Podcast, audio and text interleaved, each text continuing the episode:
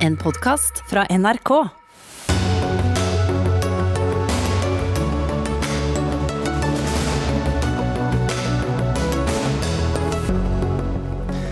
Det er to timer 59 minutter og noen stakkars sekunder igjen til stortingsvalget 2021 er over. Da offentliggjøres også den spennende prognosen. Valget avgjøres ikke bare av stemmer, valgsystemet har mye mer å si enn hva folk tror, hevder professor. Vaksinevolden sprer seg i Europa, høyreekstreme har tent på vaksinesenteret i Polen. Maktkritisk forskning blir nedprioritert her i landet, hevder forskningsleder. Mener Forskningsrådet er for avhengig av penger fra næringslivet. Og Hydrogenforeningen jubler over satsingen på hydrogenbiler både her hjemme og i EU. Det er en tapt sak, sier professor. Ja, Det er noen av sakene i Dagsnytt 18 denne mandagen, der vi også får debatten om musikkvideoen 'Puppastemning' fra VGTV. Men først altså stortingsvalget 2021. Det er eh, litt mindre enn tre timer igjen til valglokalene stenger. Da klokka 21 kommer endelig prognosen for valgresultatet. Jørgen Bølstad, du er førsteamanuensis ved Institutt for statsvitenskap ved Universitetet i Oslo. Og du er også tallknuser for oss her i NRK. Hva er en slik prognose? Eh, nei, altså det er jo et forsøk på å komme opp med et anslag på hvordan det endelige resultatet vil se ut når vi har fått inn alle stemmene. Hva baserer den seg på? Eh, den baserer seg jo på altså årets eh, forhåndsstemmer og årets valgtingstemmer, valgtingsstemmer, altså de som avlegges på valgdagen. Og så bruker man gjerne også historiske data. Så alt dette sammen gjør da at man tror at man kan forutsi det endelige resultatet. Hvor, hvor sikre er man? Nei, altså Det vi har sett uh, historisk, er jo at uh, helt i starten så kan prognosene være ganske unøyaktige. Uh, og det henger jo sammen med at man har fått inn få valgtingsstemmer, altså de som blir avlagt på valgdagen. Um, og når man har få av de, så, så, blir det litt unøyaktig, og det betyr at vi kan bomme med et prosentpoeng, eller kanskje til og med mer enn det. Uh, men så vil den gradvis bli bedre og bedre etter hvert som vi får inn flere stemmer. Men den første prognosen er altså basert utelukkende på forhåndsstemmer? Eh, hovedsakelig, eh, men også valgtingsstemmer. Altså de få første kommunene som rapporterer noen valgtingsstemmer, de vil brukes også. Magnus Takvam, politisk kommentator her i NRK. Dette er eh, et av de viktigste valgene på lenge, blir det sagt. Hvorfor det? Det er jo alt, det neste stortingsvalget er jo alltid det viktigste, men det er klart eh, nå har vi hatt en eh, regjering i to valgperioder. Da er det alltid veldig spennende om uh, man får en tredje eller blir byttet ut. Det er jo det normale. Også ved dette valget er det jo står vi jo slik det ser ut overfor kanskje et nytt politisk landskap på en måte, med store endringer i styrkeforholdet mellom partiene. Og kanskje helt eh, nye, mindre partier som kan stå foran sitt uh, historiske gjennombrudd og få større grupper inn på Stortinget. Så i sum det, gjør det uh, selvfølgelig alt, alt dette gjør at det er et veldig spennende valg. Bølstad, når tror du vi får svar på hvem som kommer over og hvem som må under denne sperregrensen på 4% som er så avgjørende? Det kommer veldig an på hvor jevnt det er. Eh, men nå er det jo altså fire partier som ligger ganske nær sperregrensen. Eh, så vi må regne med at i hvert fall for noen av de at det vil bli et ganske tett løp. Um, og så vet vi også at uh, i hvert fall tre av partiene, MDG, Rødt og, og Venstre, pleier å få mange stemmer i Oslo. Uh, Oslo er en av de byene som altså, rapporterer sist. Mm. Så hvis de blir avhengige av å, få inn stemmene fra Oslo før vi får et klart resultat, så, så, kan det bli ganske sent. Men Magnus Takvam her skal ned på Stortinget og lede denne uh, partilederrunden når valgresultatet er såpass klart at man kan si noe antakelig om, om mandatfordelingen, og dermed regjeringsspørsmålet. Når cirka regner du med at uh, Takvam kan eh, gå i gang med denne jobben? Altså det er klart, Dette med hvorvidt vi får et regjeringsskifte, det kan nok bli klart ganske raskt. Dersom det er et så klart bilde som meningsmålingene kan tyde på. Klokka 11, klokka 10? Ja, antagelig. Innen 10-11, kanskje. At man begynner da å føle seg rimelig trygg på hvilken vei dette går. Men når det gjelder hvorvidt de tre rød-grønne partiene som sist satt i regjering, hvorvidt de får flertall, eh, det ser ut til å kunne bli et ganske tett løp, det også, og, og da kan det ta lang tid. Ja, Hvor er det det blir tettest, uh, Takvam? Hvor er det siste mandatet sitter løsest? Ja, det er flere steder, men jeg bare henger meg på det siste som ble sagt om sperregrensen. Så er det jo slik at i hvert fall eh, kan det, kan det, bli en avgjørende faktor for spørsmålet om disse tre får flertall eller ikke. Eh, faller ett av disse, disse fire partiene under, så utløser det Uh, utjevningsmandat for SV f.eks., teoretisk. slik at uh, det er ikke bare kampen om sistemandatet rundt omkring som, som avgjør det, som, som, vi skjønner. Men det du spurte om, er jo i Oslo har det vært uh, veldig mye oppmerksomhet om nettopp den kampen mellom Eh, Helgheim eh, på, på FrPs liste, Arbeiderpartiets femteplass og, og Rødts andreplass osv. Og, og så har vi f.eks. en situasjon i Møre og Romsdal der det er fire ganske jevne partier som kjemper om uh, sju mandater, er det vel. Så ett av disse risikerer da å falle ut, selv om de har omtrent samme oppslutning som, som de andre. Så det er et veldig close race. I Finnmark har vi hele problematikken om Eh, den listen som jobber for eh, akuttsykehuset i Alta, Pasientfokus, som i hvert fall på noen målinger har, har, luktet på mandatet, og da vel på bekostning av Frp. Og i Troms er det også spenning. SV har, har på målingene kommet såpass høyt opp at man har en teoretisk sjanse for, for eh, direktemandat mm. der, f.eks. Stemmer eh, teller, men valgsystemet er med på å avgjøre det hele dag. Einar Thorsen, du er førsteamanuensis ved statsvitenskap ved Universitetet i Sørøst-Norge. Eh, hvor viktig er valgsystemet for å få fordelt mandatene? Ja, Hvis man går litt uh, sammenlignende til verks, så kan valgsystemet ha veldig mye å si for hvordan stemmer blir oversatt til mandater i det aktuelle parlamentet. I eh, Norge f.eks. så har man jo nå da, som kjent, eh, ni partier på Stortinget. Og det blir vel da enten ni pluss en enmannsgruppe eh, på Stortinget etter valget også. Og så kan man jo se for seg, med en mer proporsjonal valgordning, så kunne man hatt flere partier. Hvis man tar utgangspunkt i valgresultatet for fire år siden. Og legger det inn i en nederlandsk type valgordning, så ville man hatt med det samme resultatet som for i 2017, hatt tolv partier på Stortinget, og da Helsepartiet, Partiet De kristne og Pensjonistpartiet på vippen i Stortinget. Eh, motsatt hvis man hadde hatt eh, en tysk valgordning med 5% sperregrense på samtlige mandater, ikke bare utjevningsmandatene, så kunne man sitte igjen med fem partier på Stortinget og et knapt rød-grønt flertall, med resultatet fra 2017. Men hva er det som gjør at land velger så ulike ordninger? Storbritannia så har vi et topartisystem, det har vi også i USA. Ja, Det er nok i all hovedsak eh, historiske årsaker til det. Eh, de landene du nevner, eh, både Storbritannia naturligvis, men også USA, som har en fortid som britisk koloni, har flertallsvalg i én omgang, og det er nok eh, svært få andre land enn tidligere britiske kolonier som har den ordningen. Eh, og så har man da forskjellige varianter, i all hovedsak av historiske årsaker. Og i all hovedsak fordi partiene er jo de som sitter i parlamentet og som skal bestemme hvordan den neste valgordningen skal se ut. Og som regel så velger jo partiene det de tror lønner seg for dem. Sånn som f.eks. i Norge, da man gikk over til en proporsjonal valgordning for 100 år siden i år. Ja, gratulerer med dagen. Jo, jo takk. Hva var det som skjedde da? Ja, Stortingsvalget i 1921 var altså da det første stortingsvalget i Norge som ble gjennomført med en proporsjonal valgordning. Eh, før det så hadde man hatt eh, flertallsvalg i to omganger, altså en fransk og ikke en britisk valgordning. Eh, og før det igjen hadde man hatt eh, indirekte valg til Stortinget, litt sånn som man eh, kan se i amerikanske presidentvalg. Altså at velgerne velger først valgmenn, som da i neste omgang velger stortingsrepresentanter. Så det hadde vi i Norge? Det hadde vi i Norge inntil 19, valget i 1903.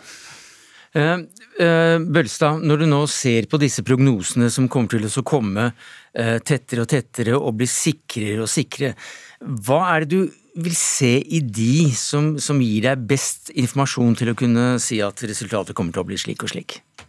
Nei, det, det, er litt vanskelig å si. Altså, en ting er jo at Tradisjonelt så har vi i Norge rapportert eh, prognosene som punktestimater, altså enkelttall i stedet for intervaller.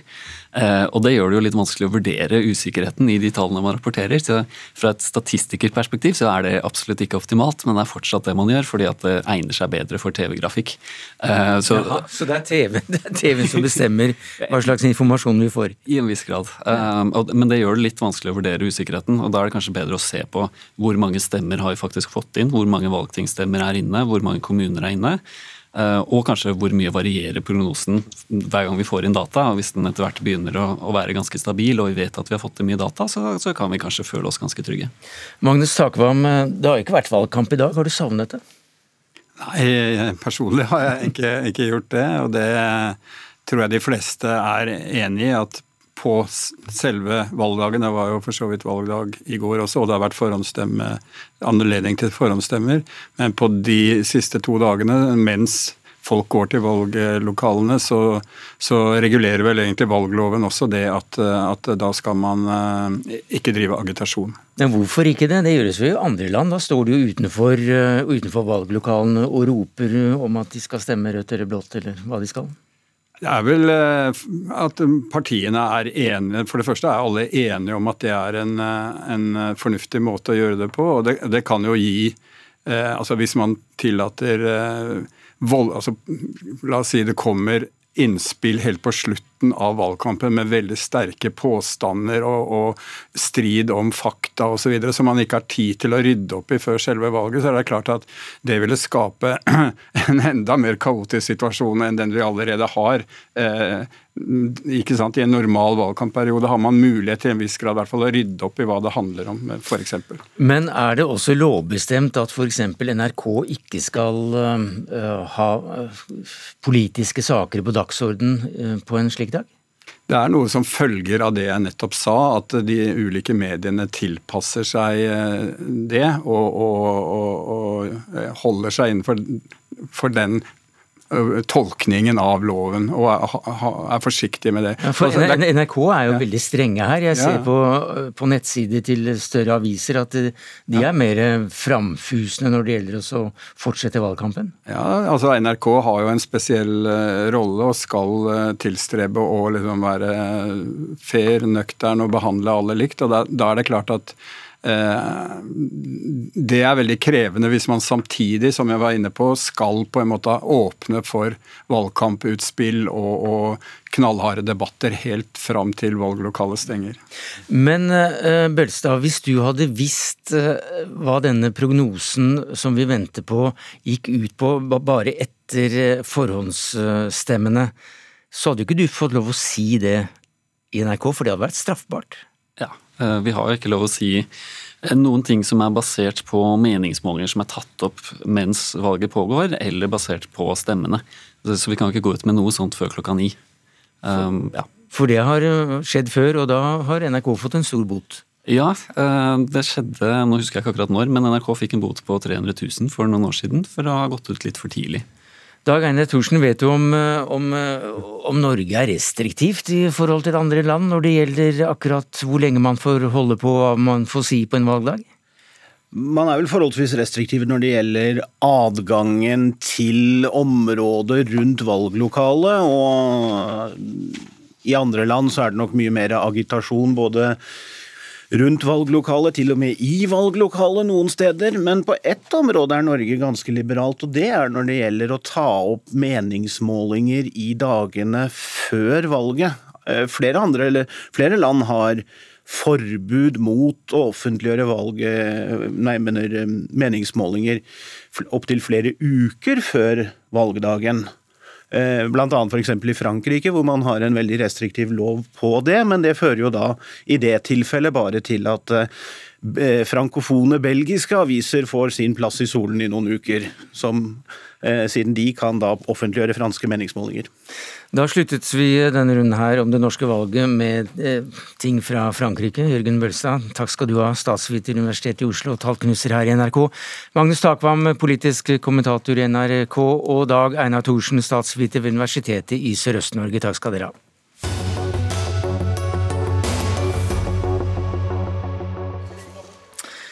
Ja, Hvordan går det med satsingen på hydrogenbiler? Det var jo mye skriverier og oppmerksomhet eh, om akkurat det for noen år siden. Så har det blitt litt mer stille. Eh, det går faktisk eh, ganske dårlig, skal vi tro salgstallene. Allikevel så er du optimist på hydrogenløsningens vegne, generalsekretær i Norsk hydrogenforum, eh, Ingebjørg Telnes Wilhelmsen. Det får du jo da også betalt for. Men hittil i år så er det også solgt 13 hydrogenbiler her i landet. Du er da lett å glede? Ja, det kan du godt si, men, men, det er klart at hydrogenbilsalget i Norge det har eh, nesten stoppet opp. Det har de jo.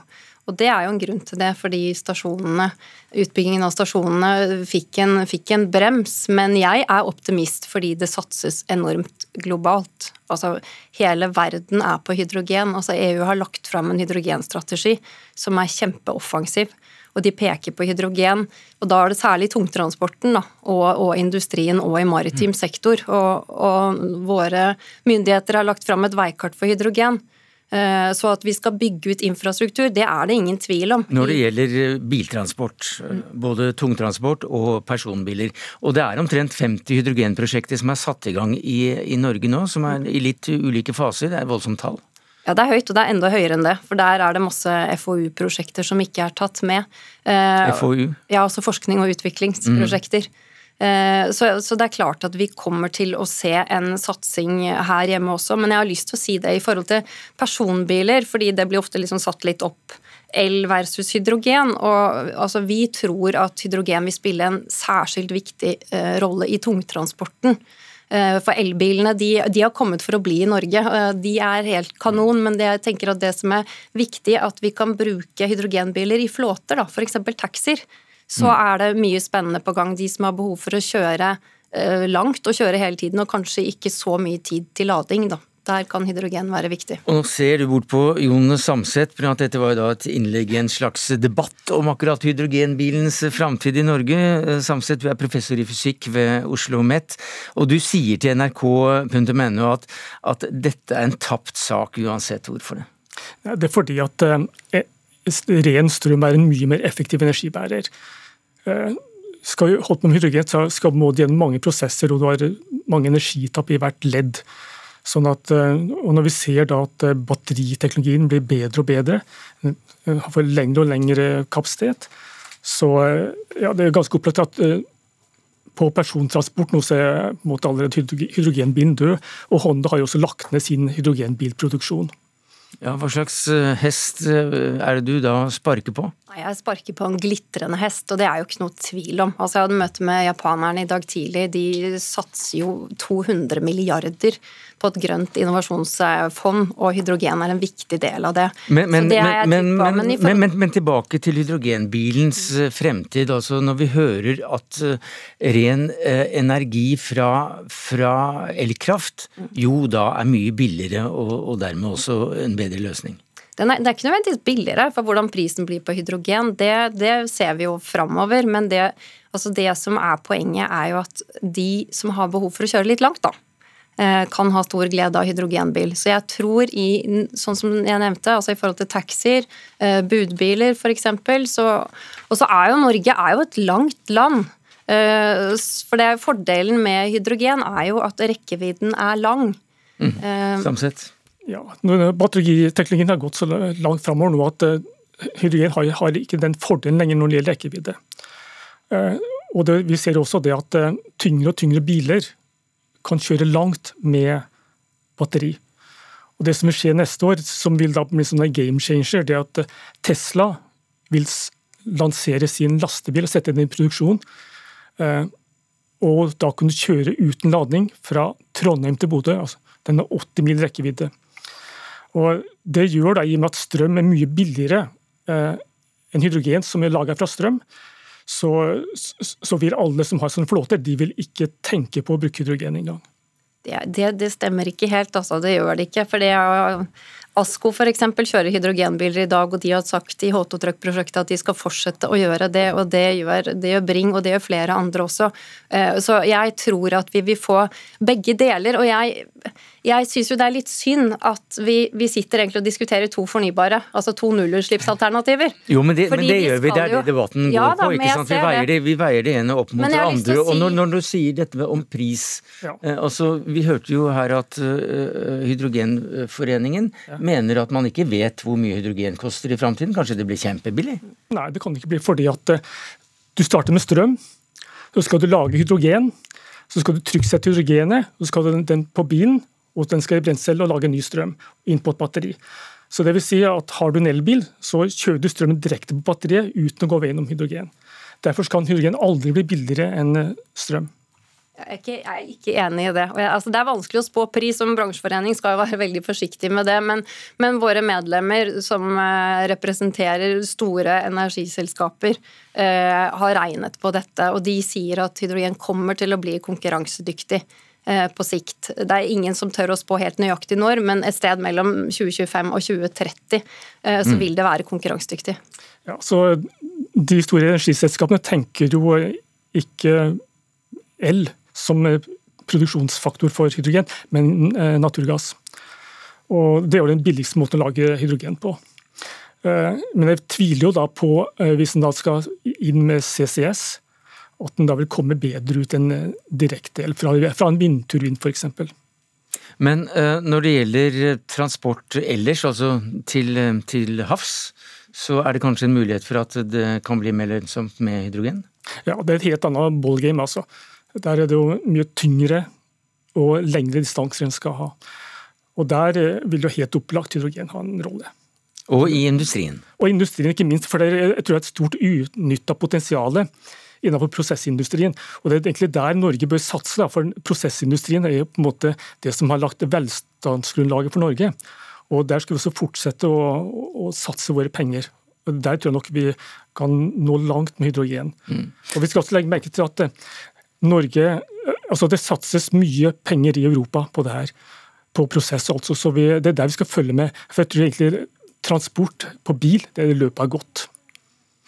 Det løpet er godt, sier også professoren her. Det er ikke du enig men du satt og nikket når det gjaldt eh, satsingen på hydrogen eh, på, på industri og på, på, sjøgående fartøyer. Takk skal du ha, Ingebjørg Telnes Wilhelmsen, generalsekretær i Norsk hydrogenforum, og Jon Samset, professor i fysikk ved Oslo OsloMet.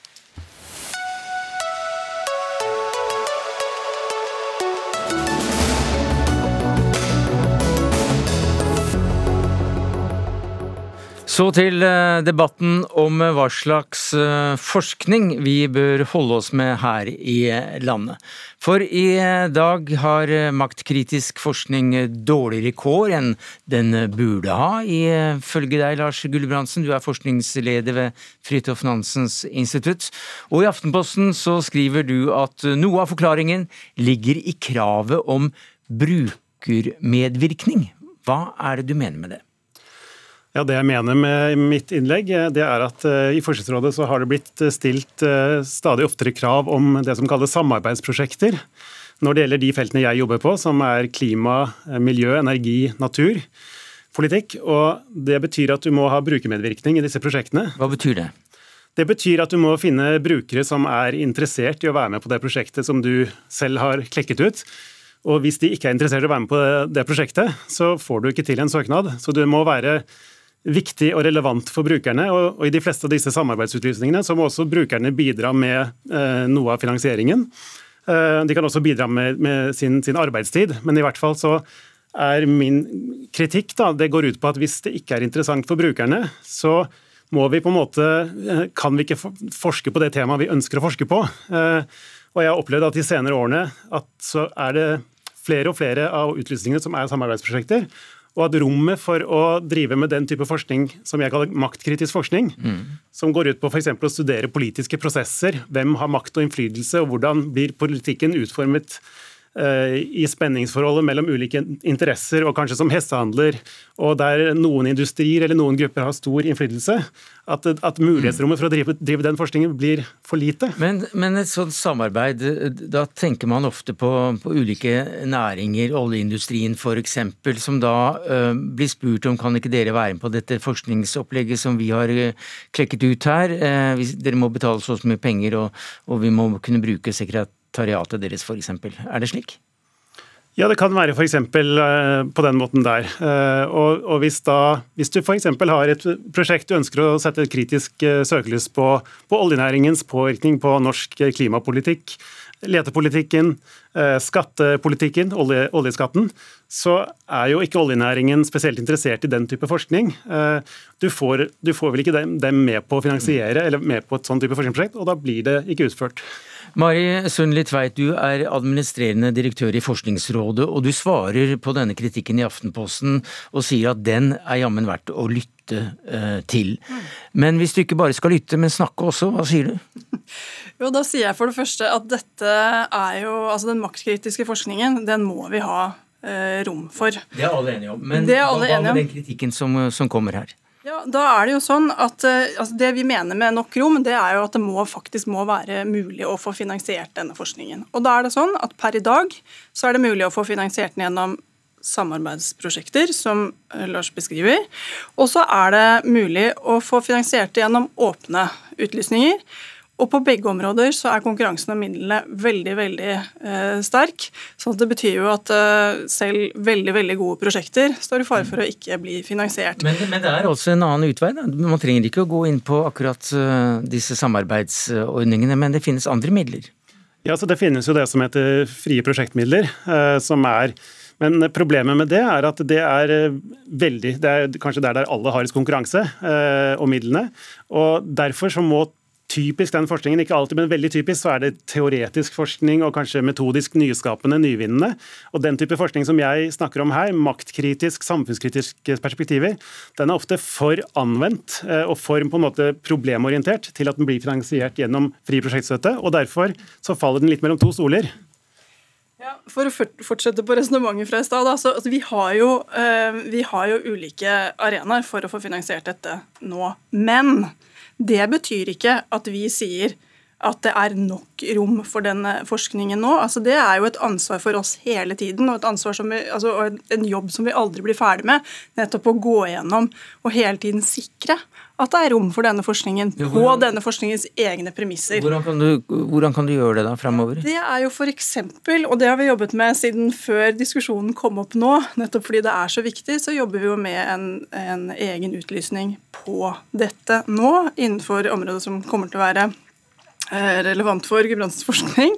Eh, og det har vi også gjort eh, tidligere, så det er ikke, det er ikke noe helt nytt. Men, men det sagt, så jeg tenker jo ikke at det vil være nok å bare tenke at nå skal vi ha rettede utlysninger på dette. Jeg tenker at vi må passe på at det er rom for dette også gjennomgående i porteføljen. Og så er det ikke noe tvil om at der vi er i dag Det blir jo pekt på det som er det fundamentale problemet. Tilslagsprosenten er ekstremt lav, og det er jo fordi at finansieringen av forskning i Norge den står ikke i samsvar med det samfunnsoppdraget som det innebærer. Ja, altså jeg, det, er mye, det, det, det, er et mye større problem eller utfordring da, enn en tilslagsprosent. For jeg mener at Hva er tilslagsprosent? Altså hvor mange, altså Hvis du har 100 søknader og så blir 10 finansiert, så er liksom tilslagsprosenten 10 da, ikke sant? Så hvor mange som blir finansiert av, av, i den konkurransen om midler. Uh, men, men, jeg peker på et litt annet problem, og det er nemlig det at jeg er jo veldig glad for at du hører at du sier og skriver også at maktkritisk forskning er viktig og interessant, og at dette, dette er dere opptatt av. Men samtidig så ser jeg at pendelen har dreid, etter min oppfatning, mot mer og mer brukerorientert forskning. Mer og mer krav om samarbeidsprosjekter på de feltene jeg jobber på. Og da sier du på en måte én ting, men så opplever jeg, og mange med meg, har fått veldig mange støtte, mye støtte på dette her, at den dreiningen har gått mer og mer mot samarbeidsprosjekter der vi må ha med brukere for å bli finansiert. Er det slik? Er du enig i den beskrivelsen? Ja, Det er helt riktig at det har blitt lagt uh, veldig mye vekt på og, kanskje først og fremst internasjonalt så, vekt, så, er det vektlagt veldig mye på samarbeidsprosjekter nå. og Det har jo med det store omstillingsbehovet, det store altså samfunnsendringsbehovet og det å få både engasjert brukerne i forskning. Dette gjelder jo ikke bare innenfor dette forskningsfeltet, men innenfor, innenfor alle så handler jo det om det store omstillingsperspektivet. Da mener vi at vi samtidig er nødt til å passe på at vi holder Eh, finansieringen for den åpne, den frie forskningen. Eller all forskningen skal jo være, være fri, men altså den nysgjerrighetsdrevne forskningen oppe. Det er bl.a. grunnen til at vi nå foreslår i vårt innspill til langtidsplan en solid opptrapping på eh, det som da gjerne kalles for FRIPRO. De åpne forskerarenaene. Mm. Ja, jeg er jo helt enig i det du sier her, at vi trenger både fri forskning og vi trenger brukerorientert, som skal være relevant for brukerne. Men før, altså vi tenker gå mange år tilbake, så var det mange utlysninger som var eh, forsker altså innenfor det som var programmer da, som er nå porteføljestyrer. Så var det liksom utlysninger eh, hvor vi kunne ha forskerprosjekter hvor det ikke var dette kravet om brukermedvirkning.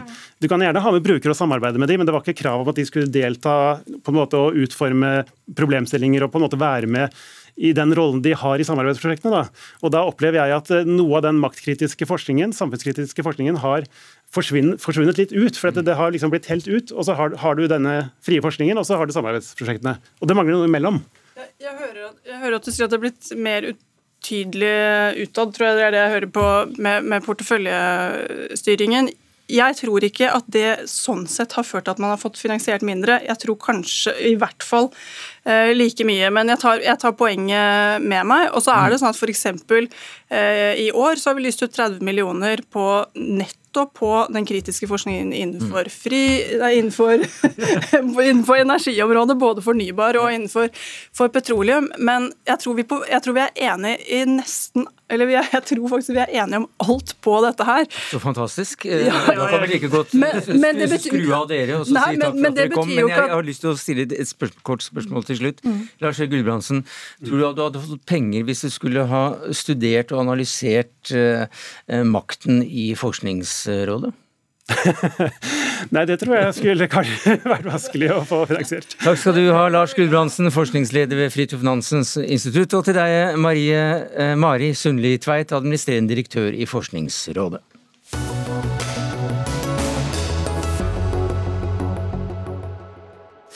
I Polen og i flere andre land så har det vært en rekke voldelige scener og aksjoner, eh, særlig da mot eh, vaksinering og vaksineringssentre rundt omkring. Blant annet eh, har en uniformert høyreekstrem gruppe tatt seg inn i et polsk barnehjem Eh, for å stoppe vaksineringen. Et mobilt eh, vaksinesenter er eh, brent ned. Og Katrine Moe Torleifsson, du er forsker ved Senter for ekstremistforskning ved Universitetet i Oslo. Hva i all verden er det som skjer? Ja, Det er en politisering av pandemien, hvor du har høyreekstreme aktører som prøver å fremme fiendebilder og antisemittisme i en tid som er preget av helsefrykt.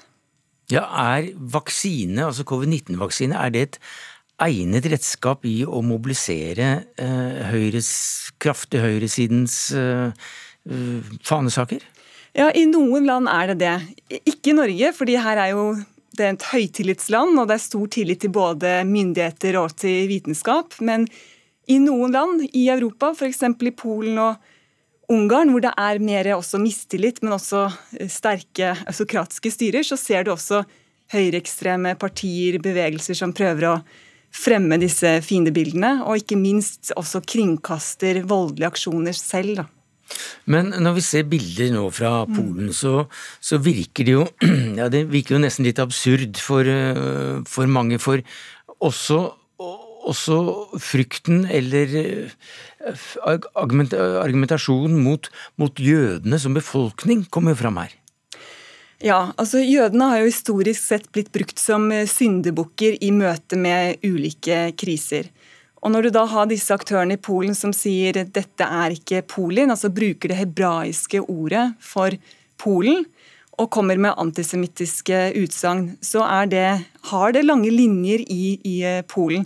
Så jødehatet tok aldri slutt, og det reaktiveres i møte med nye kriser.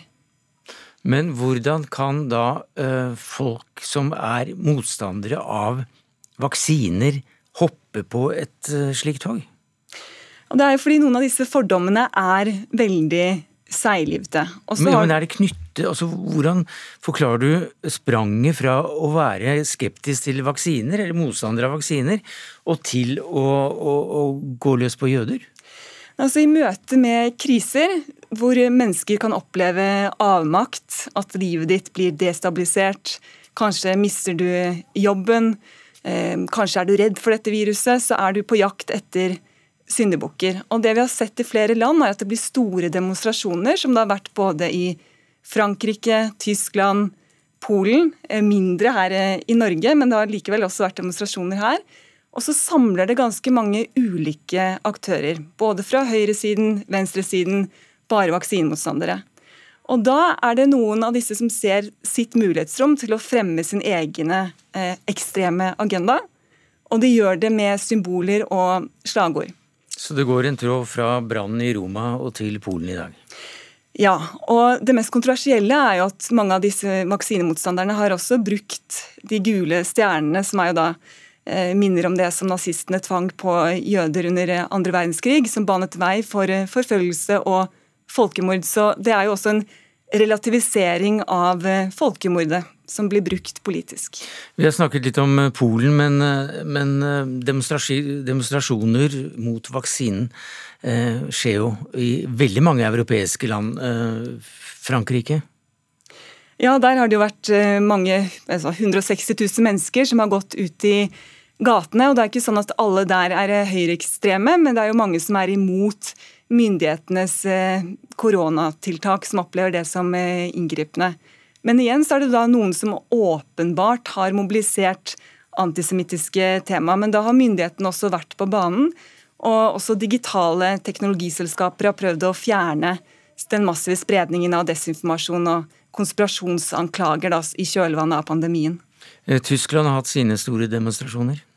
Ja, det er tilsvarende der. Så dette er jo et problem, eh, mest for også da demokratier som er ledet av autokrater. Hvis du har ledere som fremmer disse konspirasjonsanklagene fra talerstolen, f.eks. I, i Brasil, eller som man så i USA under tidligere president Trump. Hva er det du frykter kan skje nå i framtiden når det gjelder slike demonstrasjoner?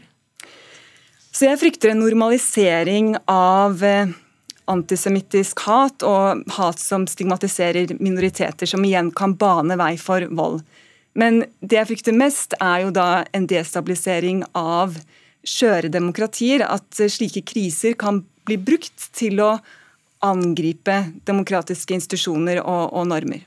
Takk skal du ha, Katrine Mo Torleifsson, forsker ved Senter for ekstremistforskning ved Universitetet i Oslo.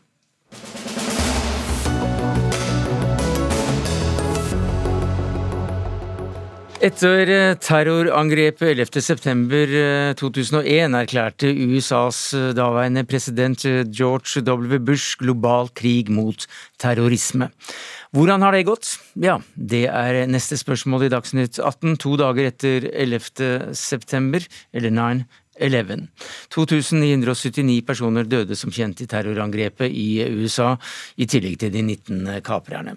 Lars Os, du er vår korrespondent i USA. Under markeringen i New York lørdag sa George Bush i sin tale at den dagen endret livene til amerikanerne for alltid. Hvordan da? Først og fremst så gikk de eh, da til krig til Afghanistan og siden til, eh, inn i Irak, som har kosta godt over 2000 milliarder dollar. Så bare det i seg sjøl har jo endra livet til veldig mange. Du har mange soldater som har ført inn, det er mange som har blitt drept i ettertid, mange pårørende. Um, flytrafikken f.eks.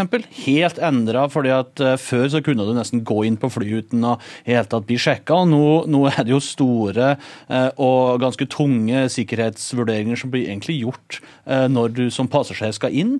Um, og så er det generelt den her, uh, sikkerhetsaspektet generelt i befolkninga. Altså, jeg kan ikke gå inn på et, eh, på et museum for eksempel, her i DC uten at jeg må bli skanna eh, og jeg må legge fra meg alt utstyr. Det må sjekkes. Og, og hele dette krigsapparatet har jo på en måte skapa en stor, ny økonomi i tillegg. Så, så det, det, det, er mye etterslep og selvsagt i tillegg, da, spesielt med tanke på veteraner. Hva var det som gikk igjen i markeringen av 9-11?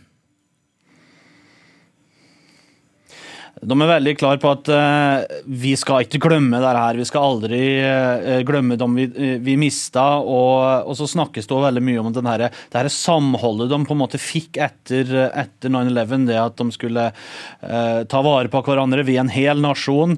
men det sa òg George Bush under markeringa i Shanksville i Pennsylvania, at vi ser dessverre nå i dag at det er ganske stor splittelse, uten at han refererte til Don Trump Trump eller, eller det ytre høyre-bevegelser i landet, så er det ganske tydelig at han var veldig klar på at eh, dessverre så finnes ikke den her samholdet eh, som eh, han så for 20 år siden rett etter angrepet. Takk skal du ha, Lars Os, vår korrespondent i USA. Sissel Wold, eh, du befinner deg nær Midtøsten.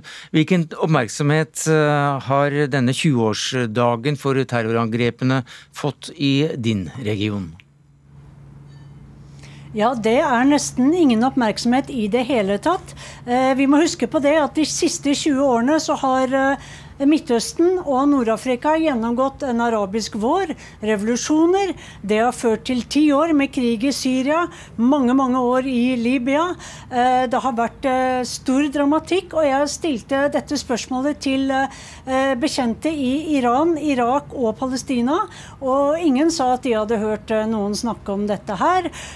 Og som min bekjente i Irak sa, vi har hatt nok av dramatikk. Dessuten så er det mange her i altså mange i den arabiske verden, som mener at det var ikke Osama bin Laden som sto bak angrepet eh, 11.9, men at eh, USA selv eh, sto bak dette. Så det er mange konspirasjonsteorier, og folk tror ikke helt på de eh, fortellingene som kommer fra USA. Vi hørte jo også Bush si at um, 9. i uh, 11.9. har forandret USA på, for alltid. Men har det forandret Midtøsten? Ja, virkelig. Og hvis du tenker på denne ulykkelige og forferdelige invasjonen av Irak, som var tuftet på helt feil opplysning om at Saddam Hussein skulle ha eh, masseødeleggelsesvåpen, så har jo det hatt voldsomme konsekvenser for eh, Irak og hele verden. Fordi da Saddam Hussein ble styrtet, så ble også hans eh, sunnimuslimske maktapparat og militære eh, kastet ut. Og senere så skulle jo nettopp Saddams militære militære, en del av dem, blir kjernen i IS. IS førte jo Irak og Syria inn i en forferdelig tid, og fremdeles så sliter man jo med IS. Så det er en av de langvarige konsekvensene vi kan se av eh, responsen fra eh, Bush-administrasjonen her i Midtøsten. Takk skal du ha, Sissel Wolden, vår korrespondent i um, Istanbul. Cecilie Hellestveit, konflikt- og folkerettsforsker ved Folkerettsinstituttet. Spesialrådgiver i NIM, Norges uh, institusjon for menneskerettigheter. Veldig lang eh, tittel, men eh, et kort spørsmål. var krigen mot terror vellykket, som ble satt i gang også av Bush 9-11? Jeg tror ikke det går an å svare ett et svar på det. Deler av det var vellykket. Dette var en krig som ble satt i gang av to årsaker. Det ene var å få hevn og avskrekke fremtidige angrep. Og det andre var selvforsvar i en mer skal vi si, presis forstand. Og reise rundt i verden og rykke opp Al Qaida sine nettverk for å hindre at de skulle kunne gjøre dette her flere ganger. Eh, det som skjedde de første dagene og ukene etter 11.9, det var at amerikanske administrasjon fikk ekstremt vide fullmakter. Sikkerhetsrådet gav i realiteten en hjemmel til selvforsvar nærmest uten grenser, og den amerikanske kongressen en uke etter gav en autorisasjon til militærbruk over hele verden mot de eh, administrasjonene i USA måtte finne for godt, var linket til Al Qaida eller assosierte krefter. Så Det er klart det var noen rammer rundt dette som var veldig vide. Og Den autorisasjonen den står fortsatt i dag. Mm -hmm. Og det som skjedde med Bush-administrasjonen, var at den sto jo i et dilemma. For den kunne enten velge rettshåndhevelsesvirkemidlet og samarbeide med stater.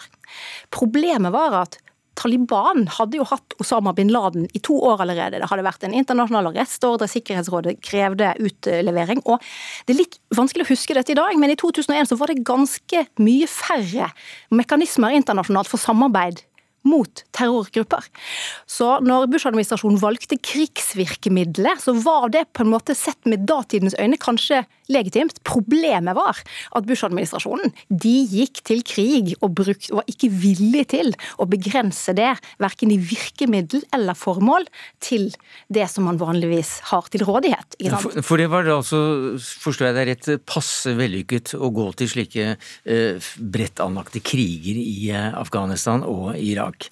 Men, men, hva er det som har vært vellykket, da? Nei, Hvis vi først kan ta det som er, er på en måte sånn strategisk kanskje mislykket, så var jo det at man valgte virkemidler som var for, for eh, brutale. Man eh, etablerte krigsfangeleirer, men ville ikke gi krigsfangestatus. Man rullet ut tortur som virkemiddel. Og etter hvert så endret også målsetningene seg. Fordi fra å gå spesifikt mot Al Qaida, som vi jo gikk først inn for å gjøre i Afghanistan, så sier Bush-administrasjonen at de som huser Al Qaida, de skal også være våre fiender. Så det ble da Taliban som var skal vi si, styresmaktene i, Afghanistan på det tidspunktet. Og så går de enda lenger og sier at regimer som vi ikke liker og som er på en måte våre fiender, de kan komme til å samarbeide med Al Qaida. Så de vil vi også på en måte kunne bruke militærmakt mot. Så det var en sånn glidning de neste par årene fra Bush-administrasjonen som fikk veldig mye motstand, både hos andre stater, hos europeiske allierte og til slutt hos de amerikanske statsmaktene, som gjorde at dette her på en måte ble hanket inn litt seinere. Eh, men jeg tror nok at litt av det med at amerikanerne gikk ut og sa vi skal bekjempe Al Qaida globalt, og så brukte de den krigen til veldig mye mer, har også gitt veldig mye grobunn til disse konspirasjonsteoriene. Mm. Fordi man så hva amerikanerne faktisk utnyttet det handlingsrommet til å gjøre. Men hva hva er da oppsiden av, av denne eh, av eh, å gå til krig mot eh, terror? Vi har nå nevnt de negative tingene, som altså ikke gikk bra. Men det har ikke vært noe særlig angrep på USA siden, da? Det har det ikke, og i særdeleshet ikke fra Al Qaida. Så for de formålene som amerikanerne hadde i 2001, så må vi kunne si at i hvert fall på kort sikt at det var vellykket. Litt av utfordringen her var jo, som Sissel Wold også var inne på, at den måten man gjorde dette her på, avlet flere typer terrororganisasjoner som var enda mer brutale. Men de har ikke i like stor grad egentlig utgjort en trussel for USA, men kanskje mer for USAs allierte. Ja, er du enig i at IS er et produkt av eh, kampen mot eh, terror som ble begynt for 20 år siden? Helt eh, konkret ja, både direkte og indirekte. Fordi IS var Al Qaida i Irak. Det besto av til dels Al Qaida-folk som ble drevet ut av, fra Afghanistan av oss. Nest, enten så dro de direkte til Irak, eller så dro de via andre land, og til slutt da til Irak etter 2003. Eh, og de ble blandet blandet sammen med folk som hadde jobbet i Saddam Hussein sitt etterretningsapparat og hærapparat. Ekstremt brutalt regime. Og den blandingen der gjorde at man over tid fikk IS i, eh, i Irak. Og det man skal være klar over, det var det at da amerikanerne bestemte seg for å trekke seg mer tilbake fra Irak i 2008, eh, og til slutt trakk seg ut i 2011, så lå IS på lur. Og det var den amerikanske tilbaketrekningen fra Irak i 2011 som egentlig foranlediget at IS fikk den muligheten. For allerede et halvt år seinere så hadde de etablert territoriell kontroll i østlige deler av, av Irak, og kunne jobbe derifra inn i den syriske borgerkrigen.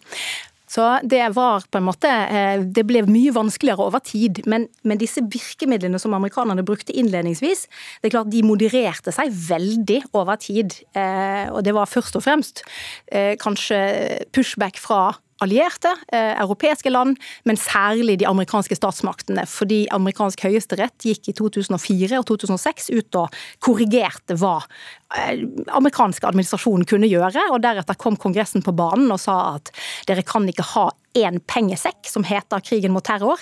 Her må vi ha mye bedre oversyn. Og Da startet man med det som man etter hvert kalte for Overseas Contingency Operations, og så, og så avsluttet man litt sånn, litt etter litt, denne globale krigen mot terror, mm. som, men, men, men, som da, var veldig skadelig. Men hva har da erstattet den globale krigen mot terror? Hva slags kamp mot terror er det vi, er det vi ser i dag, i USA i, i spissen? Nei, Den er jo mye mer mangefasettert og kanskje mye mer målrettet. Og den har disse såkalte Overseas Contingency Operations, som er landbaserte operasjoner. Man går inn i land etter land etter land og ser på hva er det som er utfordringen, og hva må man gjøre, hvem må man samarbeide med for å, for å begrense terrornettverkenes mulighet til å bre seg. Eh, og Forskjellen mellom denne globale krigen mot terror, hvor man på en måte puttet alt i en, en bøtte og sa vi kjører eh, samme mønster overalt, så har man nå mye mer målrettede tiltak. Det som er Smart, smartere? Smartere. Det som er problemet er at verden har utviklet seg ganske dramatisk, la oss si i, eh, i jihadistenes favør. Fordi de siste ti årene etter den eh, arabiske våren, og særlig fra 2013 og, og 14 og 15, så er det klart det er så mange land i Midtøsten og Afrika hvor du har grobunn for eh, radikal sunni-jihad pga. væpnede konflikter. Så her er det veldig mange muligheter for Al Qaida og deres etterfølger IS til å holde seg fast og ligge på lur og vente på at muligheten byr seg igjen. Mm. Takk skal du ha, Cecilie Hellestveit, konflikt- og folkerettsforsker ved Folkerettsinstituttet, spesialrådgiver for NIM.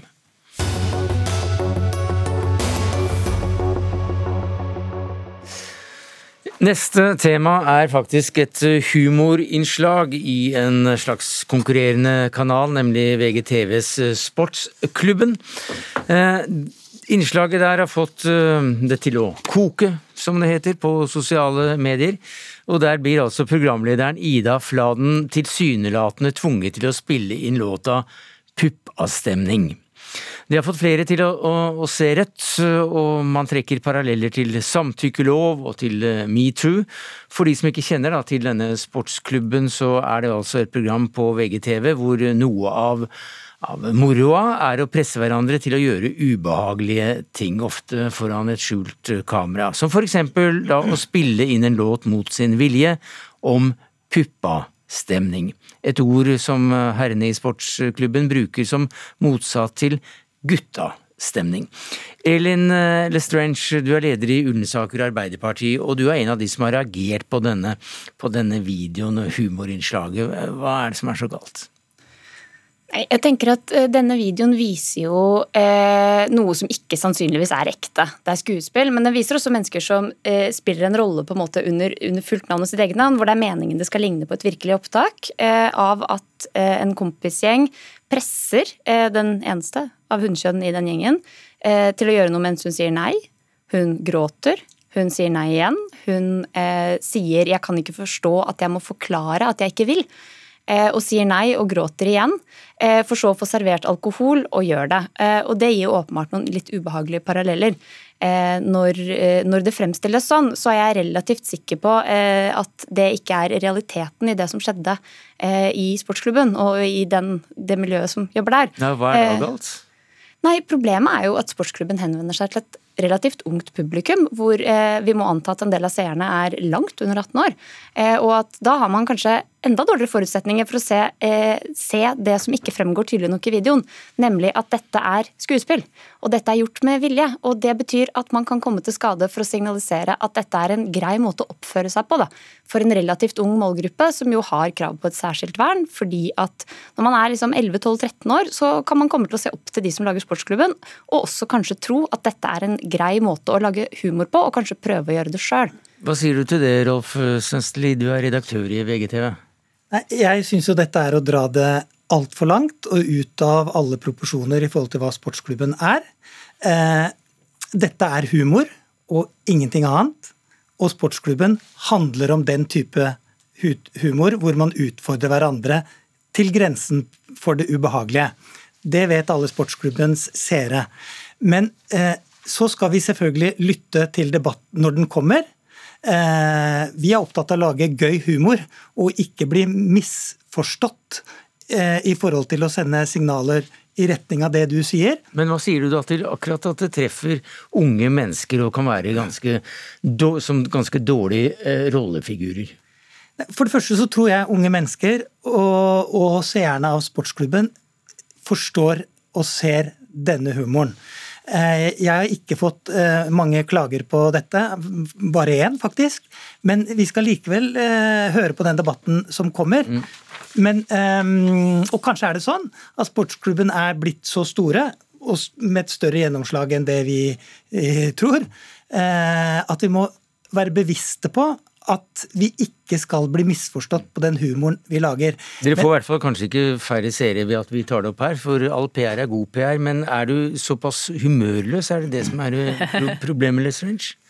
Altså, jeg tror jo at noe av dette kunne vært løst rett og slett med merking. da. Eh, eller at man, fordi Videoen er jo veldig bevisst klippa og redigert til å få det til å se ut på denne måten, og det er en del av sjangeren Sportsklubben. Ja. Men så kan man jo ikke anta at alle seerne har sett det før eller skjønner alt, eller er av en alder eller har en dømmekraft. At ikke noen f.eks.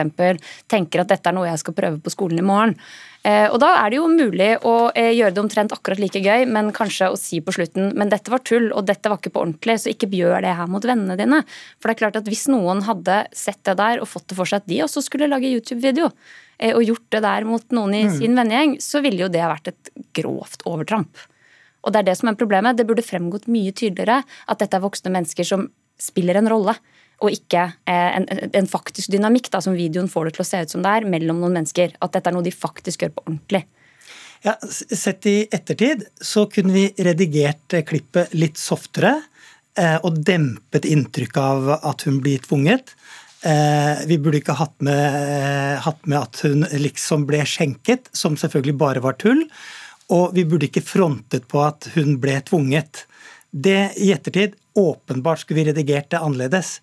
Men det å trekke dette i retning av å legitimere eh, overgrep og, og, gruppepress mot kvinner, det er å dra det for langt. Men så skal vi selvfølgelig høre, det, høre på, på, diskusjonen. Men, men så langt, det syns jeg er uh, drøyt, da. Og det har jeg jo heller ikke sagt. Så jeg, jeg har jo ikke sagt at Nei, dette legitimerer overgrep. Som har vært, ja, men nå, nå, må du kommentere hva som kritikken ja. går over bordet her, tror jeg.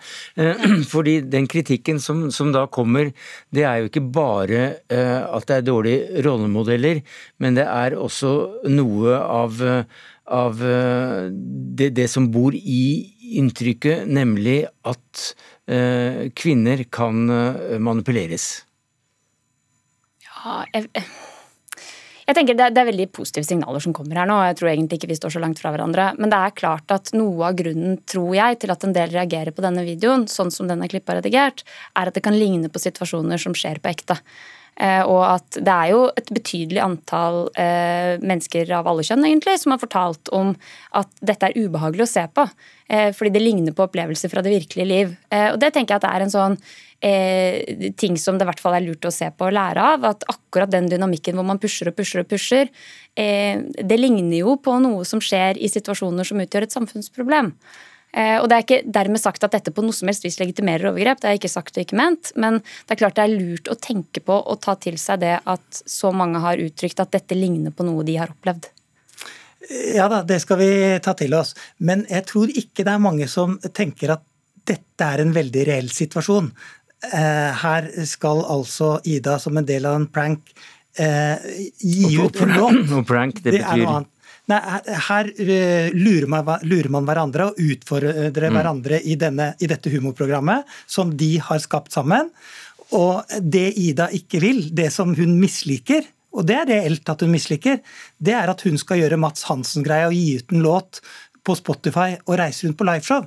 Det er ikke noe hun eh, har lyst til som humorist for seg selv. Det er, noe, det, er det som eh, hun syns var ubehagelig, og det tok man grep på for å imøtekomme henne.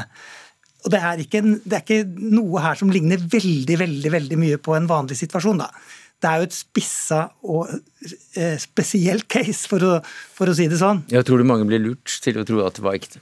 Jeg tror at jeg kan gjøre oppmerksom på at det ser jo litt annerledes ut når man har lagd det sjøl og vet hva som har skjedd bak. Og at det er nok ikke helt tilfeldig at den videoen her har fått en del mennesker til å, på ulike måter da, eh, å reagere. fordi at det kan, det kan, sånn som den er klipt og helt bevisst presentert for verden, så eh, fremstår det ganske grenseoverskridende, det som skjer. Så er det jo heldigvis mm. ikke sånn på ordentlig. Men den måten denne, det produktet er presentert på, det er eh, ugreit. Takk skal du ha, Elin Lestrange, og takk til deg, Rolf Sønstli. Det var det vi rakk i Dagsnytt 18 denne mandagen. Takket være ansvarlig for det hele, Gro Arneberg. Det tekniske ansvaret hadde Helje Svensson. Jeg heter Sverre Tom Radøy. I morgen ses vi, men da med Espen Aas i studio. Du har hørt en podkast fra NRK. Hør flere podkaster og din NRK-kanal i appen NRK Radio.